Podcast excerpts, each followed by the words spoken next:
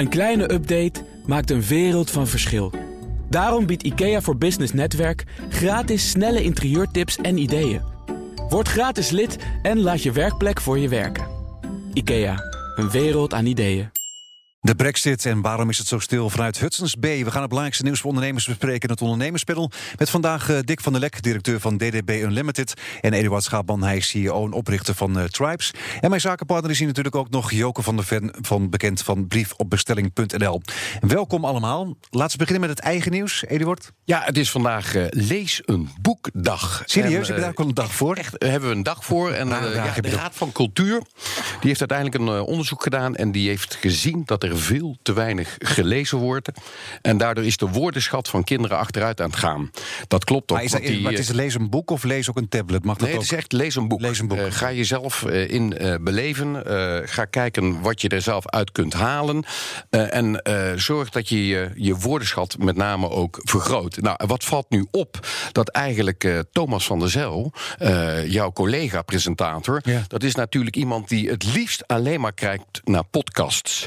En dan dan kijkt hij het liefst naar een podcast van Lance Armstrong tijdens de Vuelta. Ja, hij is flink van het wielrennen inderdaad. Ja, ja, daarom. Dus ik dacht, daar moet ik iets gaan doen. Hij moet ook een boek hebben op zijn nachtkastje. Dus ik heb van Aard Vierhouten... Je hebt een boek voor hem meegenomen. Ik heb een boek voor hem meegenomen, inderdaad. Met zelfs van Aard Vierhouten, een, een grote prof, 16 jaar lang. Altijd de, de ja. trein van Robbie McEwen. Ik zeg, Aard, zeg eens tegen Thomas dat hij wat meer moet lezen. Oké, okay, dus nou, ik, ik, ik, ik, zal hem aan hem geven volgende week. Hij is volgende week, hij is maandag weer terug. Dus ja, ik belachelijk zo'n vakantie in het hoofdseizoen, hè? Ik zorg dat en hij de Vuelta. Hij kijkt. Hij, kijkt. hij is aan het fietsen, denk ik. Tuurlijk. Maar is het een goede zaak dat er meer gelezen moet worden? Gaat het... Uh... Ja, ik denk het wel. Want als je dus uh, nagaat inderdaad dat de woordenschat van kinderen achteruit gaat... het is toch zonde. We hebben een hele mooie taal. Uh, het zou heel fijn zijn als we die kunnen behouden. maar hetzelfde geldt natuurlijk voor mensen die andere talen willen spreken. Hoe meer je leest, hoe meer je bijblijft. Ja, lezen jullie een beetje veel boeken? Of? minder dan vroeger. Ik lees uh, heel vaak, maar niet zoveel. Want uh, ik lees voor het slapen gaan. En dat duurt dan meestal vijf minuten of een kwartier. En dan val je in slaap. En dan, vallen, en dan moet ik de volgende dag moet ik diezelfde bladzijde nog, nog een keer nakijken. Ja, dus het is niet ja. alleen maar kinderen natuurlijk die meer moeten lezen eigenlijk ook. Ik bedoel, wij, nee, dat wij klopt, ook eigenlijk. Klopt. Maar ja, goed, uh, Jook heeft natuurlijk zelf een fantastisch boek geschreven. dat heette volgens mij e-coachen met passie. Jazeker. En als je dan goed kijkt naar Joke en e-coachen met passie... wie komt dan vaak daarin voor? Franklin Covey staat naast haar boeken. Dus ik dacht, ik neem voor Joke ook een boekje mee. Een kleine Covey. Je hebt inderdaad voor iedereen een boek meegenomen. Ja, ik heb natuurlijk voor iedereen een boek meegenomen. Want in zijn laatste verhaal op BNR had hij het met name over CEO's. En die gingen allemaal wijzigen. Grote bedrijven qua reclamebureaus. Toen dacht ik van ja, maar dan moet je wel heel veel van CEO's weten. Dus ik heb het boek van Robert van Zanten. Dat is natuurlijk de eigenaar van NCOI. Hm. En die is dokter geworden. En die heeft geschreven over topondernemers en top-CEO's in Nederland. En ik denk, dat is echt iets wat voor jou. Verdorie, wat een geschenk ik, hierover. Ik had een prachtige voorbereiding. Maar, uh, ik kom er zo aan. Toevallig of niet had ik ook twee boekjes meegenomen. Ah. Ja, dus die, uh, ik, de derde komt dan uh, eraan joken. Maar ik heb voor jullie in ieder geval vast een, een boekje. Dat is een, een boekje met eigen werk, moet ik zeggen. Ja, ik heb het boek van jezelf, zie ik, ik heb, inderdaad. Ja. ja. dat is wat minder bescheiden dan wat Eduard net aanbood. maar ja, het is wel snel. Ja. gelijk oversteek. Oké, okay, oké. Okay. Super dank. Ja. Wat, wat is jouw nieuws trouwens? Ja, ik had eigenlijk uh, niet zo heel veel nieuws. Uh, en het nieuwtje wat ik had sloot aan bij een onderwerp wat, wat we gaan bespreken, is de Brexit. Omdat de wijk ANC die heeft een, uh, een evenement georganiseerd. Of daar is een groep van mensen die hebben een, een uitzwaaiavond of een uitzwaaidag voor, de, voor Engeland. Om op Groot-Brittannië uit te zwaaien vanaf ja, het strand. We Zo gaan vandaag. de Brexit, we gaan Engeland uitzwaaien 31 oktober. En, 12 ja, uur? Daar, ja, is het 12 uur? Dan, ja, dan verzamelen grote groepen mensen zich daar om, uh, om Engeland uit te zwaaien. Maar wat een groot feest uh, wordt het daar, hè? Ja, ik, volgens mij wel. Volgens mij is het ook niet alleen grimmig bedoeld of uh, sarcastisch. Nee, vol, volgens mij heeft de gemeente het, heeft het inmiddels omarmd. Ja, die heeft omarmd. Ja. Die vond het leuk. het moet natuurlijk geen X-project worden. Nee. maar ze, ze hebben er vertrouwen in dat mensen een goede inborst hebben... en daar op een leuke manier de brexit uitzwaaien. Ja, ga je heen? Nou, als het programma zich uitbreidt met uh, muziek en, uh, en zo, is dat misschien best wel Ja, dat kan toch best inderdaad ja. een leuk avondje zijn. Dan ja. flink zwaaien om 12 uur dag. Ja. ja. Brexit night. Ja, Joke, wat is jouw nieuws? Uh, nou, als enige vrouw in dit gezelschap zal het jullie niet verbazen dat ik het heb over meer vrouwen aan de top op ah, dit moment. Ja, daar gaat het de hele week al over, ja, inderdaad. Ja, ik zal het kort houden, want je zei, dat wist ik natuurlijk niet. Um, wat van belang is, um, we zien een toename van vrouwelijke burgemeesters. Er zijn er meer dan ooit. In de raden van bestuur en raden van commissarissen komen meer vrouwen. Maar nog lang Wat van geen... belang is, lang niet genoeg. Wat nodig is, is voldoende vrouwelijke kritische massa. En dat, daarmee bedoel ik, als één op de tien vrouw is, heeft geen zin. Dus je moet minstens, als je het hebt op een schaal van 10, met drie of vier en misschien zelfs vijf vrouwen in een raad zitten. En dan heb je voldoende vrouwelijke kritische massa. En dan zul je ook zien dat bedrijven veel beter gaan presteren. Mhm. Daar ben ik echt diep van overtuigd. Ja, over het algemeen blijkt het ook uit cijfers. Hè? Als Ja. je meer diversiteit hebt, dan gaat het beter met bedrijven. Absoluut. Ja. Omdat vrouwen minder risico nemen, meer nadenken, meer aandacht hebben voor mensen in het bedrijf. Nou, zo kan ik nog een x aantal factoren opnoemen. Bovendien is het zo, en dat weten jullie allemaal ook, als je gezelschap hebt met alleen mannen en je hebt er een paar vrouwen bij, dan ontstaat er een andere chemie. Er ontstaat ook een andere energie. Dus in een boardroom waar en mannen en vrouwen gemixt zijn, liefst ook nog diversiteit met eh, blank en eh, niet blank. Het is beter. Het is beter voor een samenleving, het is beter voor een bestuur. Maar en toch de blijkt het heel moeilijk. Dus. Ja, toch blijkt het dus moeilijk. Want het is inderdaad wel gestegen. Maar nog steeds dat wettelijk percentage van 30% wordt nog altijd niet gehaald. Nee, maar ik, ik noteer, ik ben altijd een voorstander geweest van, eh, van een quotum. Hm. En ik denk intussen, als wij hier over vijf jaar zijn, dat het omhoog gaat. Want het is nu, ik denk, niet meer te stoppen. Dat hoop ik. Voor mij heeft KPN net een, eh, een vrouwelijke, vrouwelijke topvrouw CEO, aangenomen uit Wolters België. Kluwer, Nancy McKinstry. Wolters Kluwer heeft ook. eh, Er zijn een aantal bedrijven, KPN, Shell, Ja. eh, Wolters Kluwer, die echt eh, het aantal vrouwen in, in de raad hebben. En die bedrijven doen het ook gewoon goed. Ja, oké. Als, er zijn heel veel berichten geweest dat als er meer vrouwen in de banken hadden gezeten, Lehman Brothers, dan was het hele financiële, schaal, eh, financiële schandaal niet gebeurd. Dat geloof ik. Oké. Maar ik zal er maar geen grapje over maken. Wat voor grapje, wat voor grapje wou je Nou, maken? ja, ik, ik, ik, Het is vrijdagmiddag, eh, we kunnen veel hebben. Nee, maar goed, eh, om de brexit inderdaad, daar zouden we het inderdaad over hebben. Snappen jullie het allemaal nog een beetje, die hele brexit? Want inderdaad, er komt nu toch een wet tegen een no-deal. Het Hogerhuis is nu aan zet. Misschien wel of geen vervroegde verkiezingen. Ah, het is net Willem Shakespeare. Het is fantastisch Ja. drama. Zo Ja, moet je het zien. volgen jullie het allemaal? Ja, ik volg het zeker. Ik vind het fantastisch wat daar gebeurt.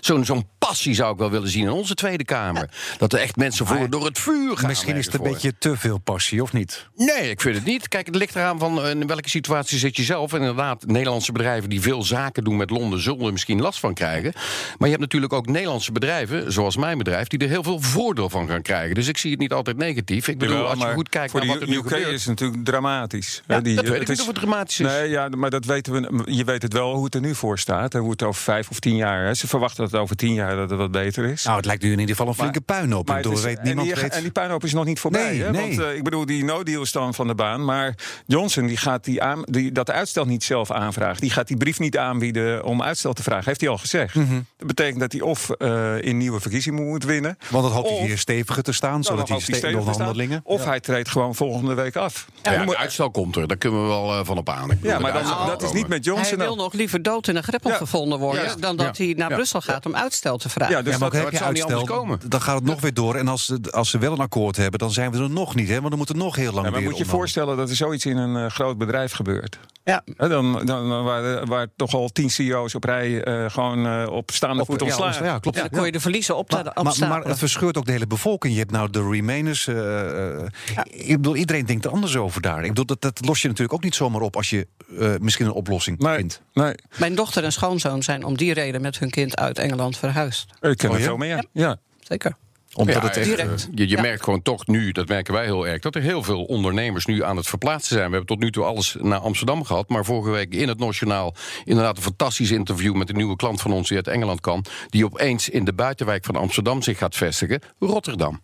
Eh, dus je ziet eh, dat echt heel veel mensen toch die oversteek maken. Ik moet nog steeds wel zeggen, net zoals de vorige keer, dat de trek naar Frankfurt veel groter is dan Amsterdam. Dat zie ik in de vestiging die we daar hebben. Mhm. ja, veel meer want jij hebt ook klanten. speciaal een vestiging geopend daar in Daar Frankfurt. speciaal in Frankfurt hebben we vestigingen geopend. Er komt er nu weer een aan, omdat we aan de vraag moeten kunnen voldoen. Dus jij profiteert eigenlijk lekker van Dat de is net brexit. wat ik zeg. Ik bedoel, eh, we horen natuurlijk veel pessimistische verhalen. Dat is natuurlijk ons Calvinistisch Nederland. Nou ja, ik ben natuurlijk een Bourgondier, katholiek, dus ik heb het graag positief. En ik zie dit als positief tintje. Nogmaals, ik zie de brexit niet als zo'n ellende zoals hier aan tafel. Nou ja, misschien, misschien, misschien niet voor je eigen maar de kansen, vraag maar is- misschien is- wel voor is- Groot-Brittannië. Nee, maar voor de UK is het wel ellende. Maar en wij kunnen dat daarvan profiteren. allemaal. Dat weet je. Want ik zie hier wel veel kantoren, hè, of kantoren of Europese hubs, die zie ik uit Londen naar Amsterdam komen. Of, of die gaan naar Parijs of naar Frankfurt, kan allemaal. Maar Amsterdam profiteert er ook van. En dat is voor mijn uh, reclame-industrie ook interessant. Hè, want er wordt tegenover een hub, of dat nou Unilever is, of het is TNT, FedEx of wat dan ook, wordt er vaak natuurlijk ook een communicatiehub gebouwd.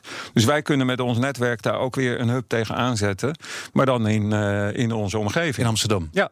Om dat belangrijker te maken, inderdaad. Ja, dat is... Dus wij kunnen ervan profiteren. Maar ja, Groot-Brittannië zit met. Uh... Maar voor het aanzien van Groot-Brittannië in de wereld, voor het aanzien van de politiek, het onvermogen waar ze nu mee worstelen.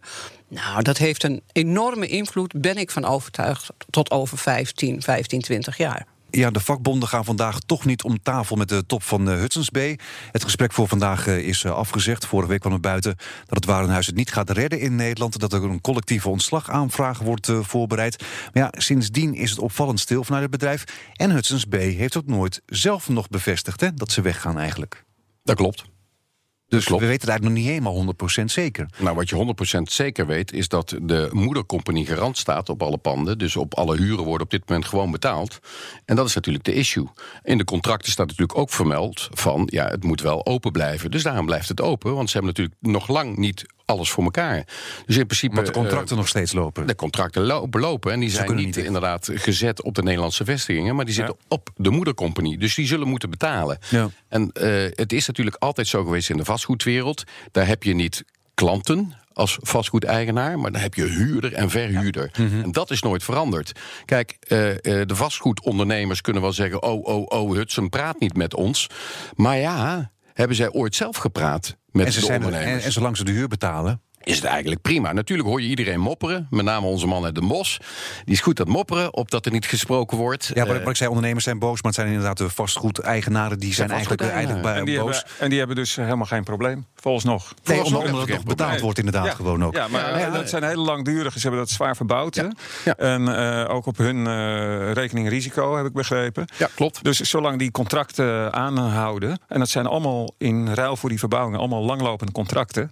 ja, dan denken die verhuurders... Uh, ja, maakt niet uit wat ze doen. Je kan het ook niet zo, je kan ook daar niet onderuit op een of andere manier. Je moet gewoon dat contract uitzitten. Je kunt onderhandelen. Alles is onderhandelbaar. Maar dan moet je het afkopen. Ja, je kunt het afkopen of je kunt het in de plaatsstelling. Partijen vinden die dat al willen overnemen. Dus er zijn allerlei mogelijkheden om er onderuit te komen. En ik denk dat ze daarmee bezig zijn. Kijk, wat ik, wat ik het grootste problematiek vind, is dat vastgoedeigenaren ook moeten gaan nadenken over wat wil de klant in de toekomst.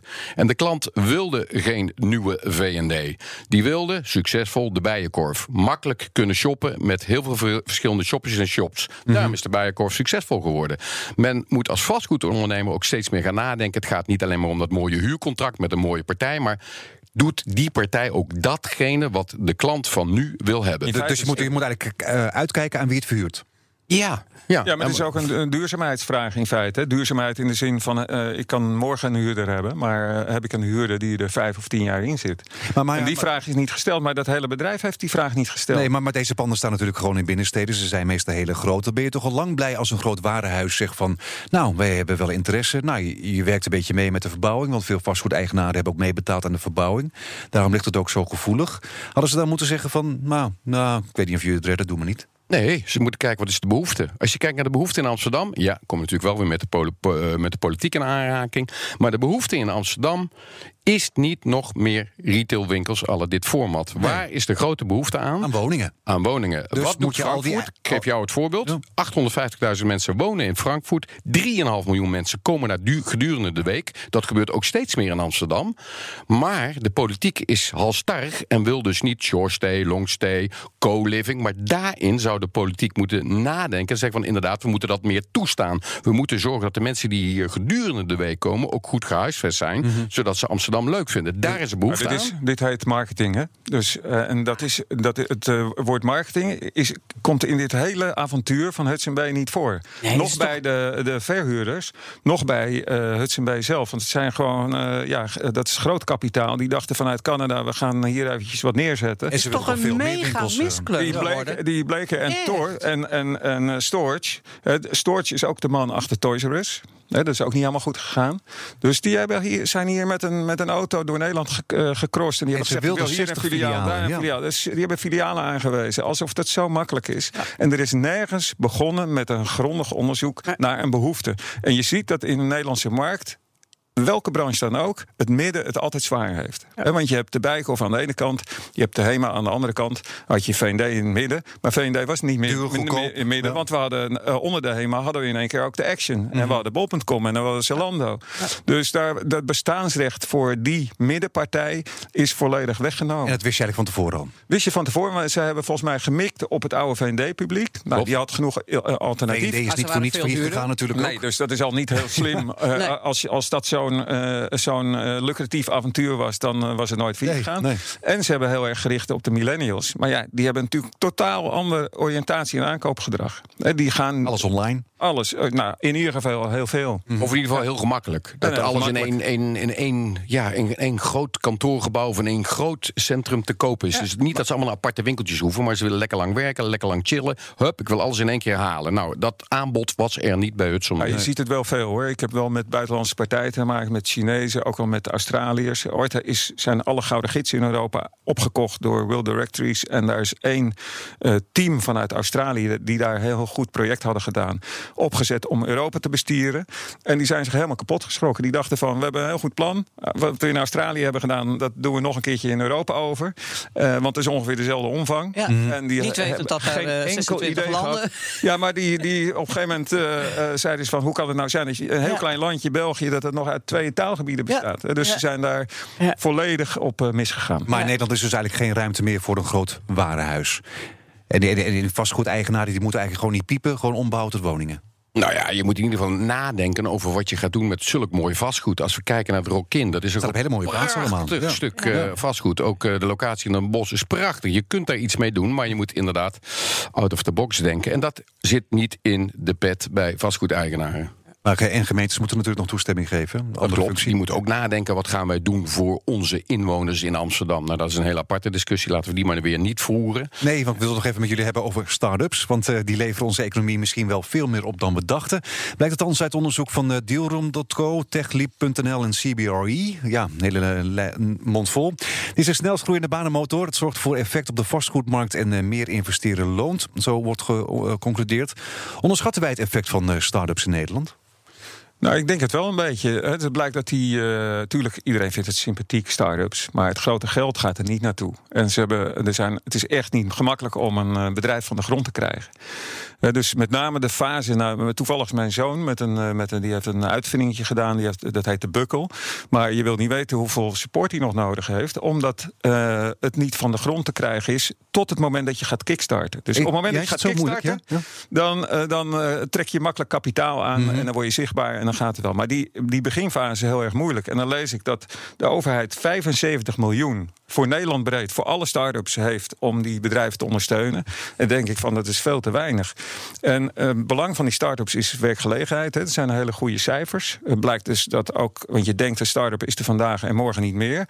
Maar 81% van de start-ups groeit in FTE's. Hè. Dus dat is het belang voor werkgelegenheid. Maar het zijn misschien ook even- onzekere even- banen inderdaad. Want je bent, misschien morgen is de start-up weer verdwenen. Ja, nee, daarom. Daar wil ik toch even tegenin gaan. Want iedereen denkt het is allemaal leuk en hip, start-up.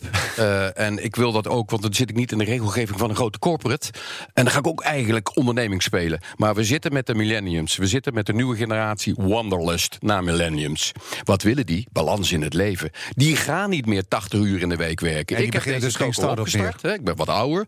En dat kostte mij in het begin ook ongelooflijk veel uren werken. En inderdaad, ik ben geen start-up meer, maar ik ben een scale-up. Want ik heb die fase bereikt dat ik inderdaad eh, grote dingen heb kunnen doen. Dat komt omdat ik heel veel ervaring heb om hoe ik dat moet doen. Tegenwoordig denkt iedereen, oh leuk, start-up. In mijn jaar 2015 waren er behoorlijk wat start-ups. In mijn specifieke segment, het fysieke segment, dus niet het online stuk... is er nog maar één die zich scale-up kan noemen. En waardoor De komt het dan? weg. En waardoor komt het dan? Omdat mensen zich vergissen in het feit dat als jij een onderneming wil starten, je er echt in het begin heel veel uren in moet duwen. En de jongeren van u die willen dat niet meer? Nou, Gros zegt eh, inderdaad van we willen ook nog iets anders. We willen gewoon toch wel die balans van leven. En we willen inderdaad ook eh, veel meer vrije tijd. Het is natuurlijk een heel generalistisch antwoord, maar het is altijd lekker voor de discussie. Ik, ik, ik herken dat niet, niet zo erg hoor. Natuurlijk zijn die er. En ik herken de millennials ook in mijn eigen bedrijf. Dat die een heel andere balans zoeken.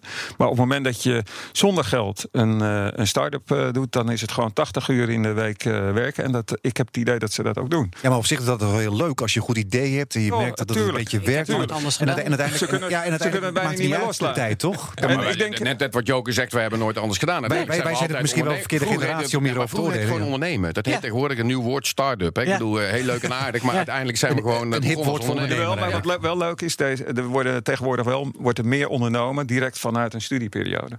Ik denk dat vroeger dat het normale was dat je eerst even ging eh, proberen bij die Shell. En is het veel enzovoort. leuker. Je wil en nu onder is het dat gewoon een start-up.